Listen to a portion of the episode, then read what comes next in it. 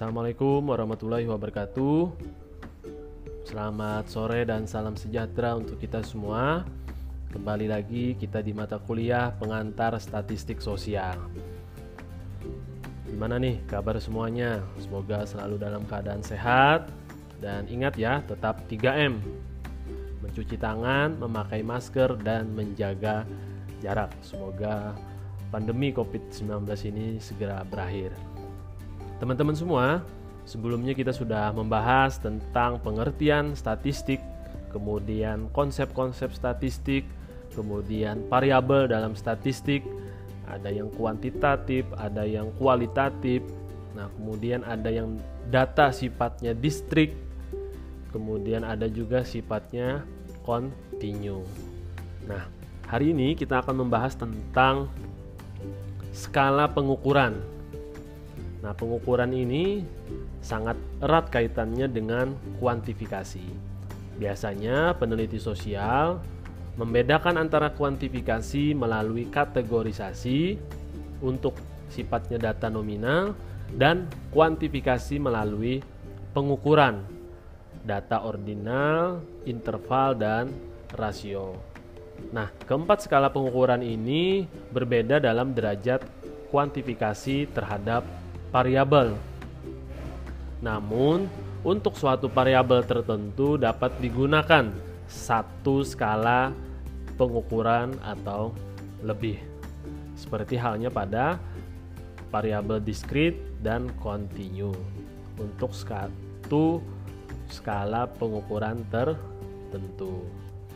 Nah, pada hari ini kita akan menjelaskan tentang skala nominal, skala ordinal, skala interval, dan skala rasio.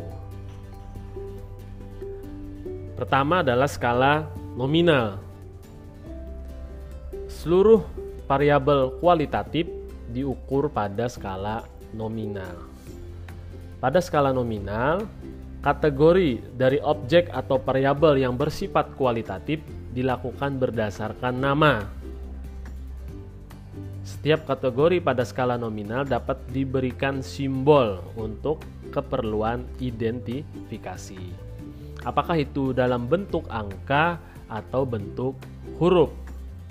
Namun perlu diingat, simbol dalam bentuk angka itu tidak memiliki makna apa-apa atau tidak menunjukkan besaran atau nilai tertentu.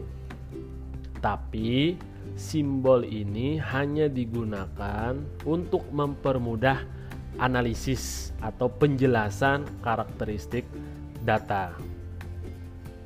Contoh, pekerjaan kita berikan simbol angka 1, pendidikan kita berikan simbol angka 2, dan perkawinan kita beri simbol angka 3. Tapi simbol angka itu hanya sebatas simbol, bukan besaran atau nilai. Nah, jadi penting diingat jangan sampai nanti ketika memberikan simbol pada kategori tertentu itu dianggap sebuah besaran atau nilai, tapi hanya sebatas simbol. Untuk apa? Untuk mempermudah dalam identifikasi kategori. Nah, selanjutnya ada skala ordinal. Skala ordinal ini adalah pengelompokan data. Ini hampir mirip dengan skala nominal, namun ada penambahan informasi dari skala ini. Kalau misalkan tadi kita pekerjaan dikasih simbol angka 1, pendidikan dikasih simbol 2, perkawinan dikasih simbol 3. Nah, skala ordinal ini ini simbolnya bukan hanya simbol tapi juga memberikan tambahan informasi. Misal terkait jenjang pendidikan. SD dikasih angka 1, SMP dikasih angka 2, SMA dikasih angka 3, kemudian perguruan tinggi diberi simbol angka 4. Nah, kita memberikan simbol angka itu dari angka yang kecil ke besar artinya adalah tingkatan pendidikan itu dari kecil juga ke besar. SD angka 1, SMP angka 2, SMP angka kemudian SMA angka 3 dan perguruan tinggi angka 4. Nah, semakin tinggi angka yang kita berikan itu memberikan tambahan informasi bahwa jenjang pendidikan itu lebih tinggi. Jadi misalkan kita mendata orang misalkan tingkat pendidikan di suatu desa misalkan.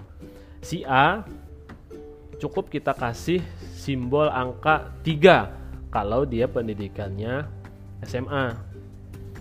Kemudian yang B cukup kita kasih data inputnya adalah angka 2 misalkan kalau dia hanya jenjang pendidikan terakhirnya SMP. Jadi kita tidak perlu lagi menulis SD, SMP, SMA atau perguruan tinggi cukup simbol angka itu. Itu juga sudah memberikan uh, keterangan terhadap data yang kita input. Nah, kalau nominal hanya sebatas sebatas simbol, tapi ketika ordinal itu sudah memberikan tambahan informasi terkait tingkatan pendidikannya. Misalkan kalau di nominal kita bisa aja mengasih SD itu simbolnya 4, kemudian SMP itu simbolnya 7, semau kita untuk mempermudah kita.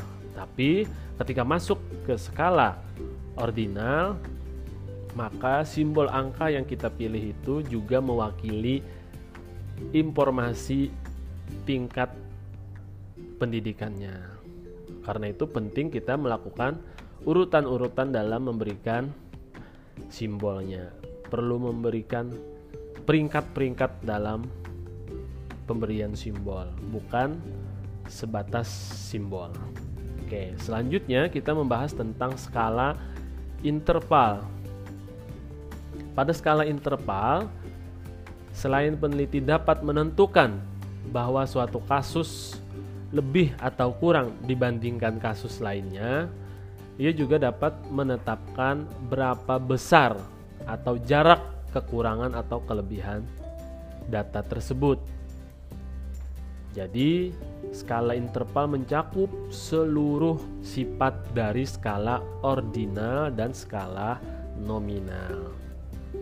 Skala ini juga memiliki sifat tambahan lainnya, yaitu dapat menentukan jarak antar kategori yang terdapat pada alternatif jawaban. Contoh skala interval dalam variabel suhu atau temperatur udara.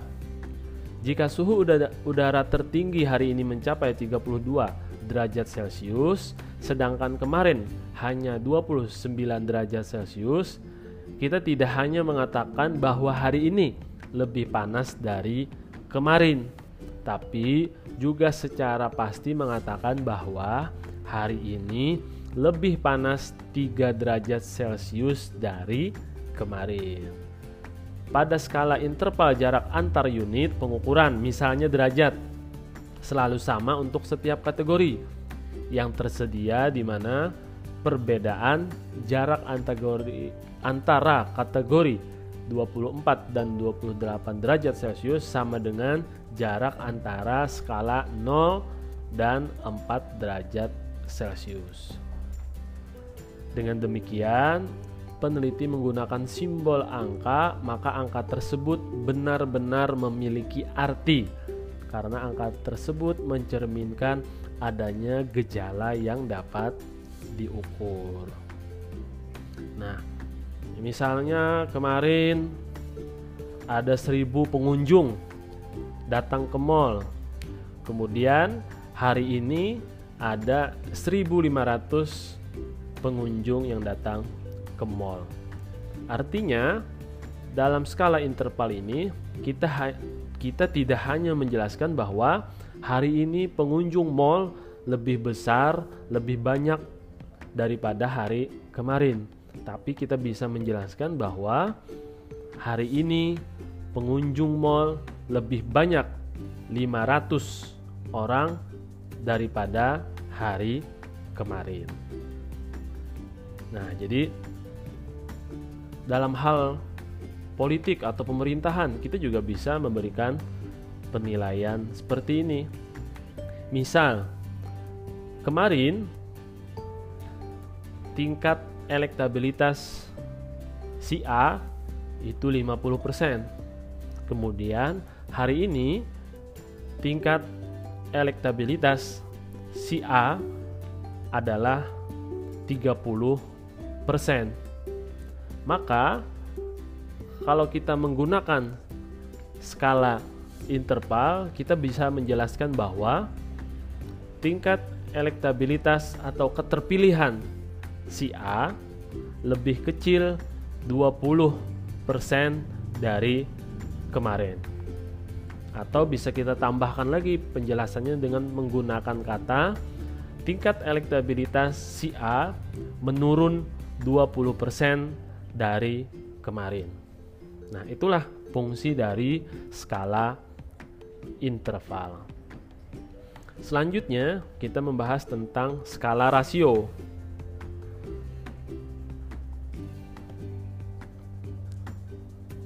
Skala rasio ini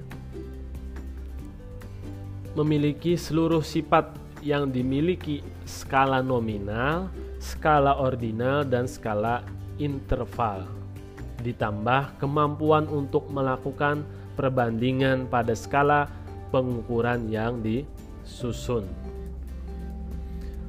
Misalnya, kita membandingkan seorang yang memiliki berat 50 kg dengan orang yang memiliki berat 30 kg. Selain orang pertama 20 kilo lebih berat dari orang kedua, kita juga dapat mengatakan bahwa orang pertama itu 1,7 kali lebih berat dari orang kedua. Kenapa begitu? Karena kita bisa menghitung selisihnya dengan penjelasan yang lain. Misal,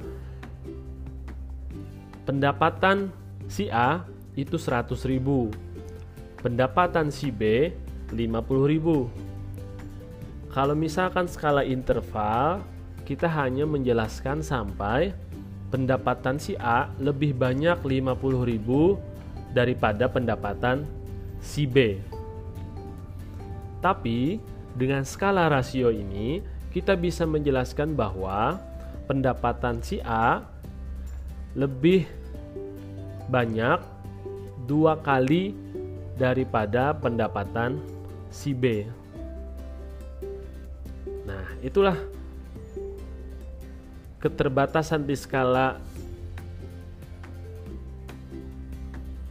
interval ditutupi dengan skala rasio dia bisa menjelaskan lebih detail. Nah, misalkan eh, apa?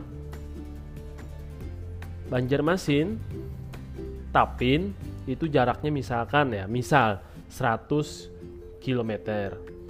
Kemudian Banjarmasin ke Balangan itu jaraknya 200 km. Kalau skala interval, kita hanya bisa menjelaskan sampai Banjarmasin, Balangan itu lebih jauh 100 km ketimbang Banjarmasin, Tapin. Tapi menggunakan skala rasio, kita menjelaskannya bahwa jarak Banjarmasin ke Balangan dua kali lebih jauh dari Banjarmasin ke Tapin.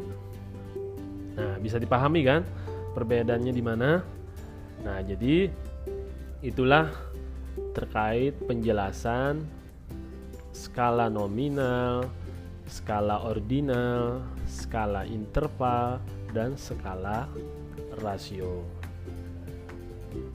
Jadi penting bagi kita semua, khususnya calon-calon peneliti sosial untuk memahami skala pengukuran ini. Untuk apa? Untuk mempermudah dalam penelitian.